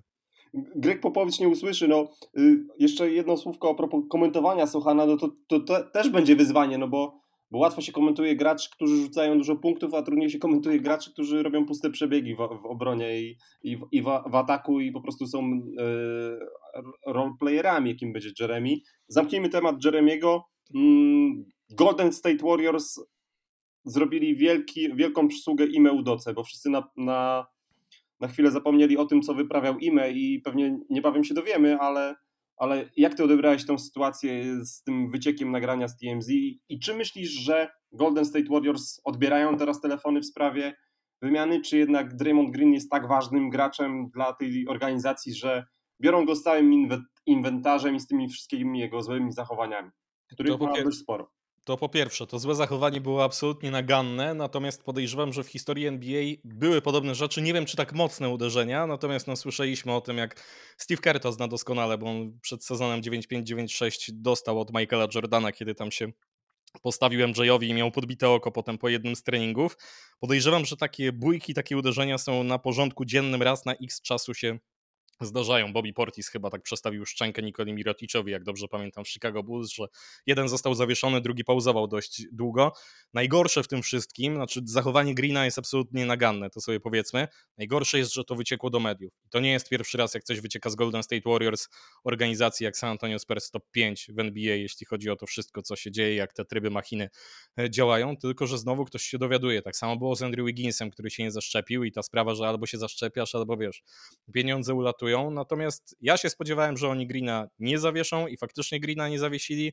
Myślę, że tutaj duża rola Jordana Pula w tym, że on jakby powiedział, że jest w porządku i jakoś ten konflikt został załagodzony e, myślę, Green jest za ważną postacią dla Golden State Warriors, żeby sobie pozwolili. Odbierać telefony mogą pewnie, bo podejrzewam, że każdy GM e, odbiera telefon i zawsze jakby do ciebie zadzwonili, słuchaj, z Kanal Plus Sport, czy z innej telewizji albo z innej gazety, to z kurtuazji też byś pewnie odebrał, mimo że tutaj polskim koszem zarządzasz teraz i jest to posada, która cię pewnie satysfakcjonuje, to zawsze gdzieś ten telefon podejrzewam odbierzesz, natomiast myślę, że nie ma absolutnie tematu wymiany Draymonda Greena. Zapomnimy o tym za x czasu, zobaczymy jeszcze e, jakie przedłużenia dostanie jeden i drugi, bardziej czekamy teraz na, na Jordana Pula, więc wydaje mi się, że to będzie taka afera, którą pożyjemy pewnie jeszcze ze dwa tygodnie fazy zasadniczej, a potem w ogóle zapomnimy, że, że coś takiego miało miejsce.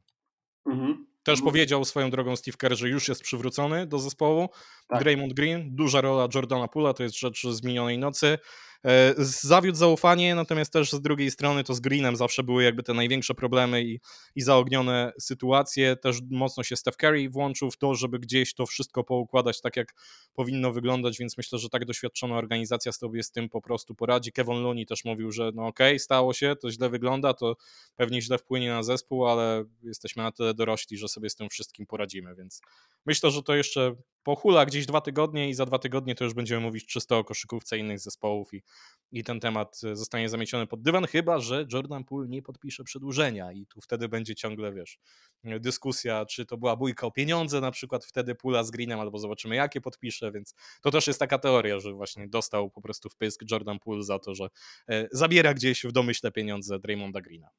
Mówi się też coraz więcej o tym, że Draymond Green jakby chce odejść do swojego przyjaciela, do LeBrona Jamesa i i w następnym sezonie podpisze po prostu kontrakt w Los Angeles Lakers, ale mi podoba się to w tej całej sytuacji, że, że Warriors po raz kolejny pokazują, że nawet mimo tego, co się stało, i że to wyciekło, i że to nie miało prawa wyciec, yy, to, to, to, to jednak to, że to jest organizacja jedna z najlepiej zarządzanych na świecie, i że oni sobie zdają sprawę z tego, że to nie jest pierwsza jakby sytuacja z Greenem, bo, bo tych sytuacji było mnóstwo, ta akurat wyciekła i zrobiło się o niej głośno, może wcześniej nikogo nie uderzył, ale, ale przecież słyszeliśmy o jego konfliktach e, chociażby z, Kevinem Durantem, e, ale właśnie to, że, że potrafią zarządzać tym konfliktem i wiedzą, że no to jest dalej Draymond Green, to jest gość, który nam tutaj wszystko jakby łapie na parkiecie i wśród tych strzelców posiadanie takiego obrońcy to jest, to jest naprawdę dla nich no, być albo nie być. Tak mi się wydaje, że. To jest wiesz, też dyrygent w ataku. Zobacz, jak wyglądali Golden State Warriors, jak Steph Curry wyglądał za trzy, kiedy grał na początku sezonu Draymond, jak rozdawał wszystkie piłki, orkiestra po prostu grała każdy dźwięk idealnie, a ile fałszu się w tym ataku pojawiało, jak Draymonda Greena w poprzednim sezonie nie było. To jest koleś, który obrona to jedno, natomiast ten atak w boxskorze nie wygląda w ogóle już w ostatnim czasie, natomiast e, on rozdaje te piłki, które potem prowadzą do tego zagrania, gdzie, gdzie będziesz miał punkt. Mhm. Mm, Brooklyn Nets, tam też było latem głośno. Czy ty śledziłeś te doniesienia z wypiekami na twarzy, czy też myślałeś, że okej, okay, koniec końców, pokrzyczą, pokrzyczą, po, powymieniają te wszystkie sources e, do Whithorsta i, i do innych bitwriterów, a na końcu się pogodzą? Wiesz co, nie, ja myślałem, że zostanie wymieniony, szczerze powiedziawszy, KD, mimo że ten rynek jakby jest ciężki za takiego zawodnika, tym bardziej, że zepsuli go Minnesota Timberwolves handlując po, po Rudiego Goberta i te piki, było ich pięć, tak, jak dobrze tutaj liczę, wymienionych. E, licząc debiutanta, który poszedł jeszcze w tym wszystkim, to, to trochę zepsuło pewnie też rynek wymiany na KD, bo skoro tutaj za Goberta mamy tyle pików, e, Dejante Mari to były trzy piki, no to ja za Kevina Durenta chyba bym chciał sześć minimum, tak? I, i jeszcze kilku, kilku zawodników. Byłem przekonany, że go wymienią, szczerze powiedziawszy, bo wyglądało to dość brzydko. Dla mnie słaba sytuacja, bo Brooklyn Nets robili wszystko, co chciał Kevin Durant. Sparowali ich e, Skyrim, Kyrie tam był oczywiście, e, czyli tu już dwaj przyjaciele. Chcieli DeAndre Jordana, dostali DeAndre Jordana, tak? Jak była jakaś zachcianka, James Harden, proszę bardzo, wszystko podane na, na złotej tacy i potem się okazuje, że, że tutaj jednak nic nie gra. Natomiast potem już gdzieś jak te emocje opadły pierwszych dni, to przypomniałem sobie, że był taki gość, który został złapany na parkingu kiedyś w 2007 roku i powiedział, że wolałby grać na Plutonie niż w Los Angeles Lakers. To był Kobe Bryant i wtedy też była wielka burza w internecie i było tam blisko pewnie jakiejś e, wymiany, natomiast koniec końców do niej nie doszło. W trakcie sezonu został Paul Gasol ściągnięty do Los Angeles Lakers i e, co było potem, to już wszyscy doskonale wiemy, więc jakoś to się pewnie ułoży, podejrzewam, dla e, Brooklyn Nets, natomiast nie spodziewam się niczego wielkiego po tej organizacji w kontekście walki o mistrzostwo, w kontekście dojścia nawet do finału konferencji, to myślę, że jest poza zasięgiem Brooklyn, Brooklyn Nets. Tak, to jest taka drużyna, która jakby świetnie wygląda na papierze i jest jakby idealna dla, tak, dla takich kibiców, którzy śledzą, śledzą NBA i tak, tak wiesz, tak, tak mocno niedzielnie, czyli zobaczą, to jest, wow, co, to jest to, o czym mówiliśmy, to jest świetna drużyna do highlightów, bo oni mają dobry atak, to był dziesiąty atak w zeszłym sezonie i 20 obronę i przyjście tutaj w, po tych e, miesiącach niegrania Bena Simonsa, który też trochę się będzie musiał e, tej rdzy pozbyć, trochę pewnie poprawi defensywę, Royce O'Neal też pewnie tutaj trochę do obrony dołoży, natomiast nie spodziewam się, że z 20 obrony nagle zostaną dziesiątą obroną, tak? Kevin Durant, jeżeli będzie tylko zdrowy,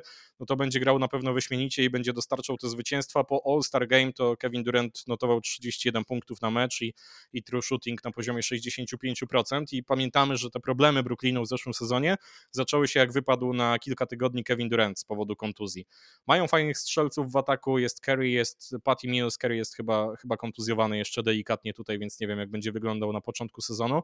Natomiast problemem jest obrona, a podejrzewam, że jak ten sezon się zacznie tak średnio, że ten bilans będzie remisowy, to się może zaraz okaże, okazać, że Steve Nash straci pracę. Trochę pogadamy pewnie o tych Brooklyn Nets. Oni do playoffów awansują, bo nie sądzę, żeby to był, wiesz, jakiś taki zjazd. To jest ciągle ten jakby mm, drugi pułap konferencji wschodniej, tak? W tym pierwszym masz Philadelphia 76ers, Boston Celtics, Milwaukee Bucks, nie mówię pozycjami, tylko tak wymieniam, a do drugiego worka wrzucimy Toronto Raptors, Cleveland Cavaliers, Brooklyn Nets i może Atlanta Hawks, jeśli sięgną jeszcze po Jaya Crowdera i oni się gdzieś tam będą mieszać. Dla mnie to jest nawet zespół może z jednej strony skończyć czwarty w konferencji wschodniej, się nie zdziwię, a jak skończą na siódmym miejscu, to też nie powiem, że jestem super zdziwiony. Jedyne, co mnie jakby zastanawia, o czym też rozmawialiśmy z Karolem, to to, jak się w ten zespół wkomponuje Ben Simmons, bo wydaje się, że jest to jakby spora nadwyżka nad Bruce'em Brownem, który świetnie wyglądał w systemie Nesha. Jeżeli Ben Simmons wejdzie w buty Browna, dołoży do tego swój playmaking i otworzy pozycję dla strzelców za trzy, których tam jest mnóstwo, bo przecież wraca Joe Harris, jest, jest KD, jest Kyrie, jest e, Patty Mills, e, to to może być coś takiego, co sprawi, że ja będę tego Brooklynu jednak trochę oglądał w tym, w tym regular season. A ty jak w ogóle patrzysz na Bena Simonsa? No ja patrzę na Bena Simonsa tak, że na pewno jest jednym z moich ulubionych zawodników. Szanuję jego problemy e, psychiczne, które ma, natomiast e, to wyjdzie i się odbije gdzieś to wszystko, jak on nie lubi rzucać, jak się boi rzucać, jak nie potrafi rzucać, to w fazie zasadniczej pewnie będzie wyglądała fajnie obrona, będzie wyglądał fajnie ten playmaking, który będzie robił, o którym mówiłeś, tym bardziej jak masz właśnie tych zawodników poustawianych na obwodzie, natomiast przyjdą playoffy i co? Będziemy faulować Bena Simonsa, żeby rzucał rzuty wolne i Ben Simons nam dostarczy fatalną skuteczność. Przyjdzie przyjdzie otwarta pozycja i Ben Simmons nie rzuci, tylko odda piłkę, jak w tej słynnej serii z Atlantą, więc e, ja myślę, że trochę poprawi Brooklyn Nets, natomiast nie obiecuję sobie absolutnie wiele po Benie Simonsie. Myślę, że to długie tygodnie miną, zanim on się dostosuje do tej dobrej formy i niestety myślę, że jeszcze się pojawi temat tych jego wszystkich takich pozaboiskowych problemów i to już w ogóle gdzieś ktoś e, wyciągnął, że były takie opinie przed draftem, że Ben Simmons nie ma za bardzo serca do gry w koszykówkę i nie ma takiego pociągu i, i pasji. Wydaje tak, mi się, tak, że, że, że, to jest widoczne. freakiem takim typowym. Tak. I nie wiem, czy to jest na poziomie jakby po prostu takim trochę lękowym, że się czegoś boję, tak? Czy to jest właśnie na poziomie, że Bozia dała trochę talentu, no natomiast okej, okay, no, koszykówka fajnie. Los Angeles Lakers. Jak zwykle było o nich głośno w e, off-season, no skończyło się na, na tym, że wzięli yy, właśnie powiedz mi, Patryka Beverleya czy Patryka Beverley'ego? Jak ty Patrick? Ja powiem ci tak, Patrick Beverly został nowym koszykarzem Los Angeles Lakers i tak sobie trzeba radzić generalnie, więc na tej zasadzie. Zawsze szukam tak, żeby było łatwiej po prostu. Okej, okay, okej. Okay. Beverleya chyba. No, musiałbym to sprawdzić i jeszcze poszperać, jak się powinno odmieniać, bo to też jest różnie i na to trzeba zwrócić uwagę, natomiast zawsze sobie można to przestawić szyk w zdaniu i tak dalej. To jest zawsze łatwiejsza opcja, więc to tak Tutaj samo mam... miałem, mhm. jak nie potrafiłem napisać jakiegoś słowa, nie wiedziałem, wiesz, czy RZ, czy że z kropką, jakie U i tak dalej, to zamiennik szukaj tego słowa i nie będzie problemu. No nie? Patrick Beverly jest, jest, jest w Los Angeles Lakers. Zaczęło się od mocnej, grubej konferencji, na której tam mm, opowiadał fajne rzeczy o tym, że jego ulubionym highlightem Lebrona jest chyba blok, który, który, który miał na nim e, ale później to się jakby wszystko fajnie skończyło, jak zwykle ten e, Media Day w Lakers był super, oni są jednak, oni jednak wiedzą, wiedzą z czym to się je i wiedzą, że... Wiesz, to wszędzie te media day wyglądają po prostu tak, nawet w tych zespołach, gdzie ewidentnie coś jest nie tak, no że po prostu miłość i sielanka, tylko Phoenix Suns zepsuli tylko, sprawę w tym tylko sezonie. Andre Ayton jakby. Tak, chociaż już teraz powiedzieli, że rozmawiają ze sobą z Montym Williamsem i wszystko jest w porządku, natomiast no, każdy inny media day to jest, nie no, no rewelacja, nie mogę się doczekać. Wszystko yy, jest ok, każdy jest fantastyczny. Więc. Ta historia, Patrick, yy, którą opowiada Patrick Beverly, że mnie odmieniał jego nazwiska, o tym jak jak grali mecz z Rackets i zauważył, że coś do niego mówi Russell Westbrook podczas meczu, ale on jakby nie za bardzo kumał, chyba był, stał na linii rzutów wolnych i później się go zapytał, o co mu chodziło i on powiedział, że załatwiłem twojej siostrze bilety na, na, na, na, przy parkiecie. I, i ogólnie powiedział, że Russell Westbrook jest jego najlepszym przyjacielem w tym zespole. To, to było słodkie. Ale to, to jest generalnie fajne, bo wiesz, ile tam jest studowania, ile prawdy, to jedno, natomiast gdzieś widać po tych treningach i, i sytuacjach jakichś meczowych czy z ławki rezerwowych, że jest tam jednak jakaś nić porozumienia, nawet jakby to było e, na pokaz robione, a nie wydaje mi się, że aż tak, więc zawsze nawet jak jesteś wrogiem albo wydaje się, że jesteście wrogami, to jak połączysz siłę, to, to może to zupełnie inaczej wyglądać. Natomiast Beverly to jest jedno, ale mnóstwo zmian zaszło w Los Angeles Lakers, zaczynając od tego, że Dervin Ham będzie nowym trenerem, którego nie znamy trochę jako trenera, bo był do tej pory asystentem i takim bardzo zaufanym człowiekiem Majka Budenholzera, bo pracowali razem w Atlancie, a potem wziął go do Milwaukee i tam zdobyli mistrzostwo NBA. Myślę, że fajny trener dla Los Angeles Lakers.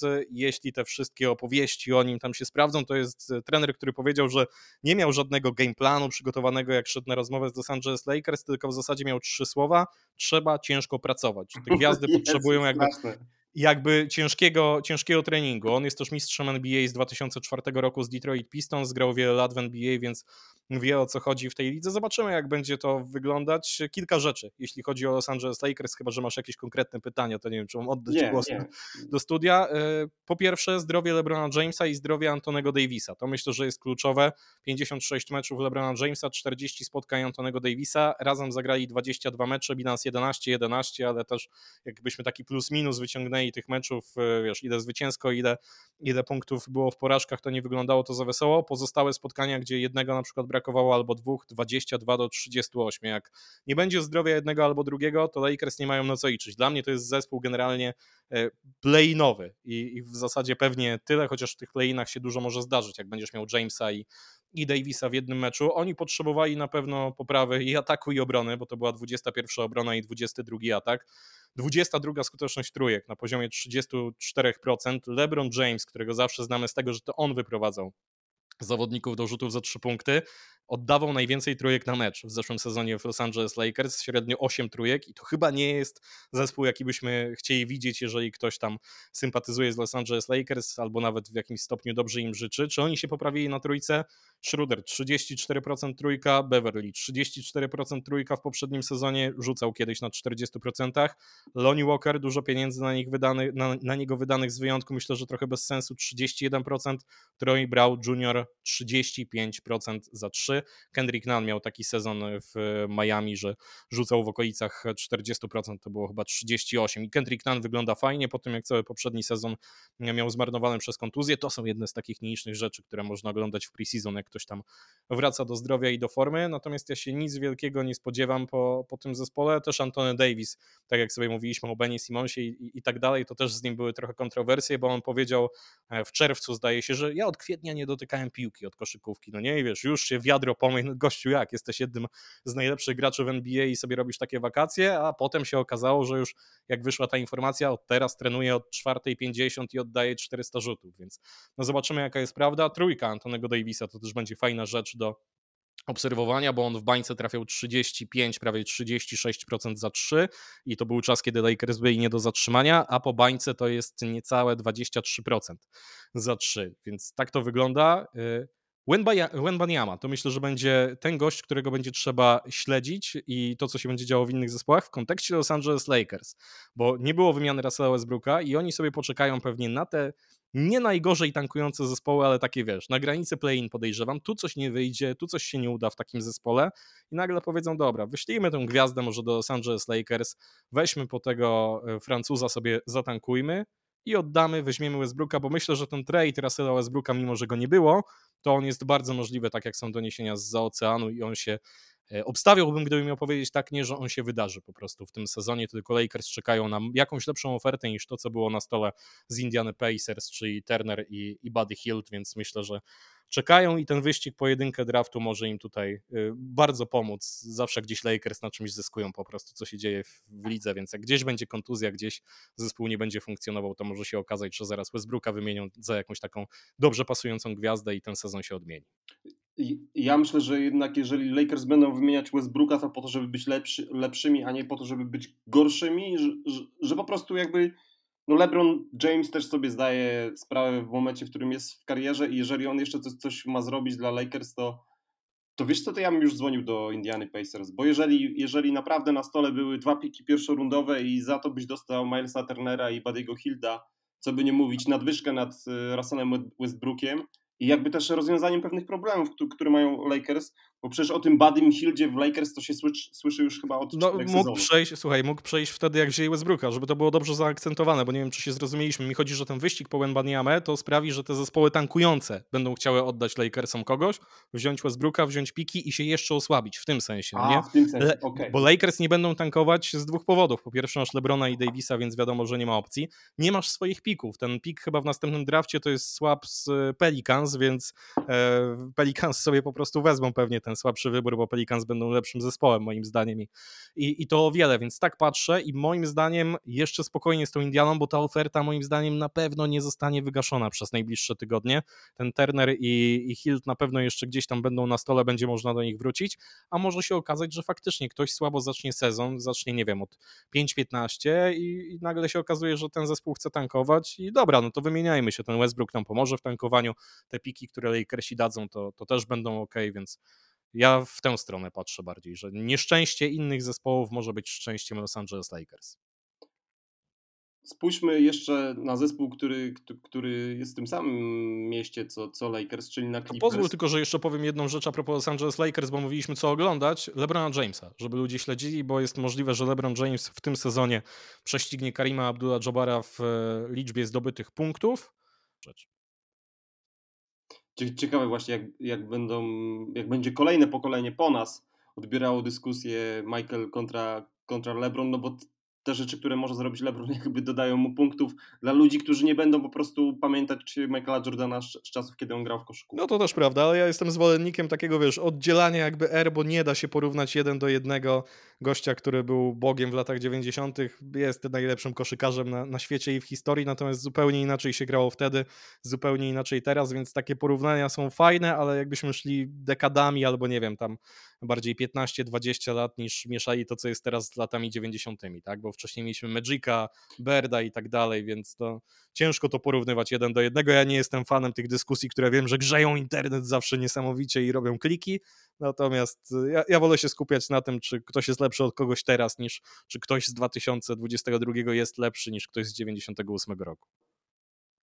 Tak, to, to, taka typowa dyskusja akademicka. Bartku, y, omówiliśmy zespoły, które chcieliśmy omówić. Mam do Ciebie pytanie, czy Ty chcesz jeszcze pogadać o jakimś zespole? No wiesz co, chciałeś powiedzieć o Boston Celtics jeszcze dwa słowa, tak? Więc nie wiem, czy tam gdzieś omawiacie. No mm -hmm. Boston Celtics mówiłeś, że Golden State Warriors teraz ich przykryli, ale to myślę, że na krótko, bo wydaje mi się, że to, co się tam zadziało z Ime Judoką i ten związek, który niby był za obopólną zgodą, a okazuje się, że może niekoniecznie z jedną z przedstawicielek Bostonu, nie wiadomo chyba do końca, y, kim jest ta pani i jakie, jakie stanowisko zajmuje. Dużo myślę o tym, co się dzieje w Bostonie, jak ta sytuacja wygląda. Taki filmik, który Matt Barnes umieścił w internecie, znaczy najpierw napisał posta broniącego chyba Ime Judokę i że roczne, roczne zawieszenie, tak, a, a potem dostał telefon od kogoś, kto zna sytuację, a podobno niewiele osób zna, więc to jest w ogóle już rzecz, która sprawia, że myślę, że to będzie coś grubego, bo nie dostaliśmy do tej pory żadnych szczegółowych raportów, poza tym, że tam były jakieś obraźliwe i, i niezbyt miłe słowa kierowane w stosunku do tej pani, czy też o tej pani. I Matt Barnes powiedział, że jeżeli to wyjdzie, on tego nie powie, ale jeżeli to wyjdzie, to Ime Udoka może być nawet skończony w NBA. Więc wydaje mi się, że to może być gruba rzecz. Boston Celtics mają trenera z drugiego rzędu ławki rezerwowych, bo Joe Mazzulla to nie był główny asystent Ime Udoki, to jest najmłodszy trener, jaki jest w NBA, natomiast y, na miejscu fanów Boston Celtics byłbym spokojny, bo po pierwsze pewnie nie zmieni za bardzo tego systemu, po drugie z tego, co można o nim wyczytać, to jest bardzo dobry taktyk, dobry po obu stronach parkietu, nie tak, że się zajmuje jedną stroną, był wśród y, finalistów na głównego trenera Utah Jazz, a tam Danny Ainge ma pojęcie, myślę, dość spore o koszykówce i o tych ludziach, których mógłby zatrudnić, wziął ostatecznie innego człowieka z NBA. Z tego, co widać, i to chyba nie jest kurtuazja, bardzo dobrze się rozumie z zawodnikami i też zawodnicy Malcolm Brogdon zwracał na przykład na to uwagę, że Brogdon robi przed treningiem jakieś ćwiczenia oddechowe, nie wiem, czy żeby się wyciszyć, złapać równowagę, mniejsza o to. I jak tylko to Joe Mazzulla zobaczył, to podszedł do niego, zapytał, czy faktycznie to robi i dał mu tam, wiesz, z 10 podpowiedzi, co powinien robić, więc takie detale, które się Mhm. bardzo, bardzo podobają zawodnikom. Malcolm Brogdon, a propos tych nowych graczy, to jest gość, który myślę, że wniesie bardzo dużo do Boston Celtics. On podobno jak oglądał finały NBA, to wiedział wszystko, co zrobić, żeby ten Boston wyglądał lepiej w tych akcjach, które rozgrywał źle i myślę, że to nie jest przesadą, bo wniesie tak dużo spokoju, będzie takim generałem tego drugiego unitu, a myślę, że też będzie domykał mecze e, w tej piątce Bostonu. Problem jest taki, że kontuzjowany jest Robert Williams, może opuścić nawet od końca września licząc trzy miesiące, więc zobaczymy jak to będzie wyglądać, natomiast no Boston to jest absolutnie e, top 3 konferencji wschodniej i teraz sobie możemy dyskutować i, i ustawiać, czy bardziej oni, czy ba bardziej Milwaukee, czy, czy bardziej Philadelphia, natomiast myślę, że w samej grze się niewiele zmieni, to ciągle będzie topowa obrona, bo wiemy jak tymi switchami tutaj zaskakiwali wiele drużyn i ile tą obroną za Ime Judoki zrobili, zresztą nawet te treningi, które Joe Mazzulla prowadzi są podobno w bardzo podobny sposób prowadzone w takich ra ramach może podobnych o w ten sposób, jak to było za Judoki, więc nie ma tam aż tylu, tylu zmian, więc nie martwiłbym się aż tak o Boston. Do momentu, aż pewnie wycieknie, co zrobił Ime Judoka, bo sądząc po wypowiedziach zawodników, to nawet oni sami nie wiedzą, co tam dokładnie zaszło.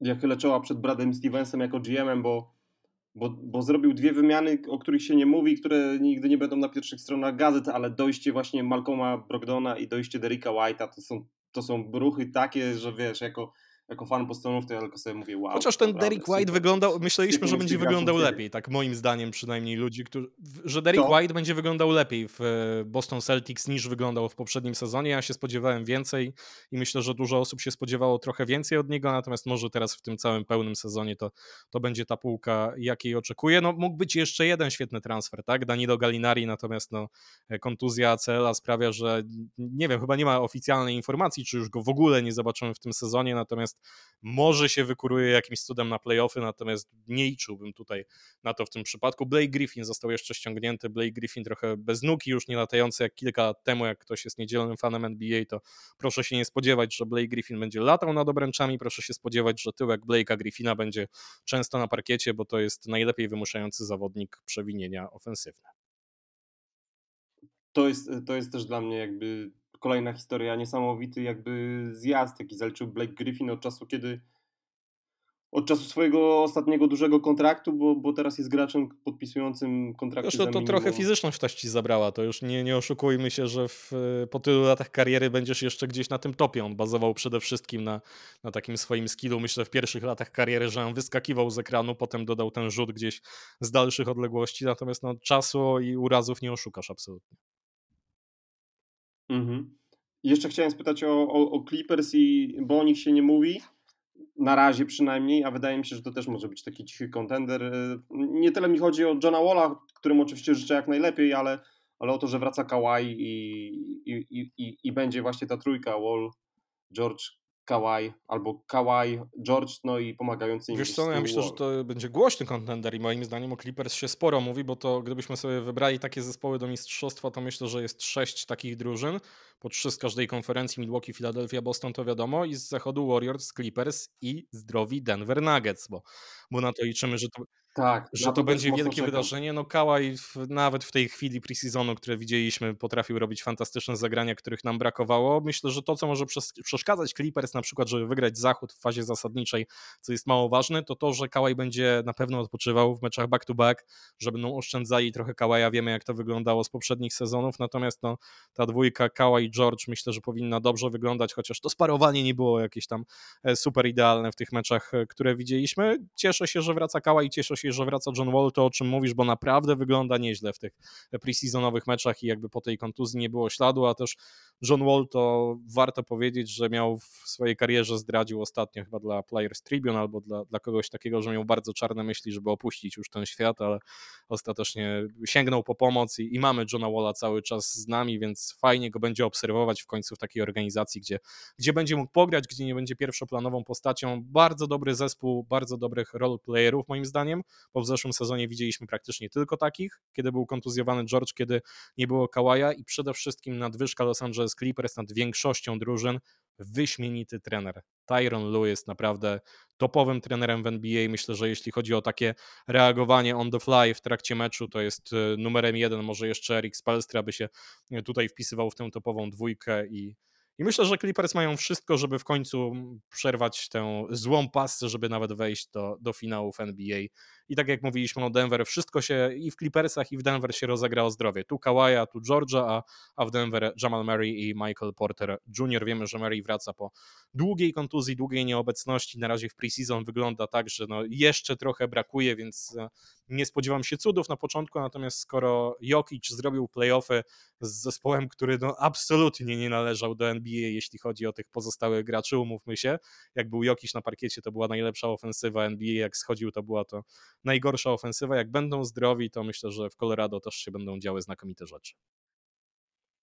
Tak i ostatnio, ostatnio game winnera i, i, i punkty przed game winnerem zdobył Ish Smith i ja tak sobie pomyślałem wtedy, no, że jakby lata lecą, a Ish Smith da, dalej jest handlowany z klubu do klubu i gdzie nie przyjdzie, to to, to, to jest drogi, ale to wiesz, też od tego jest pre-season, no nie? Andre Drummond chyba trafił trzy trójki, jak gdzieś widziałem w box więc tak, absolutnie nie przywiązujmy do, do tego jakiejś wielkiej wagi.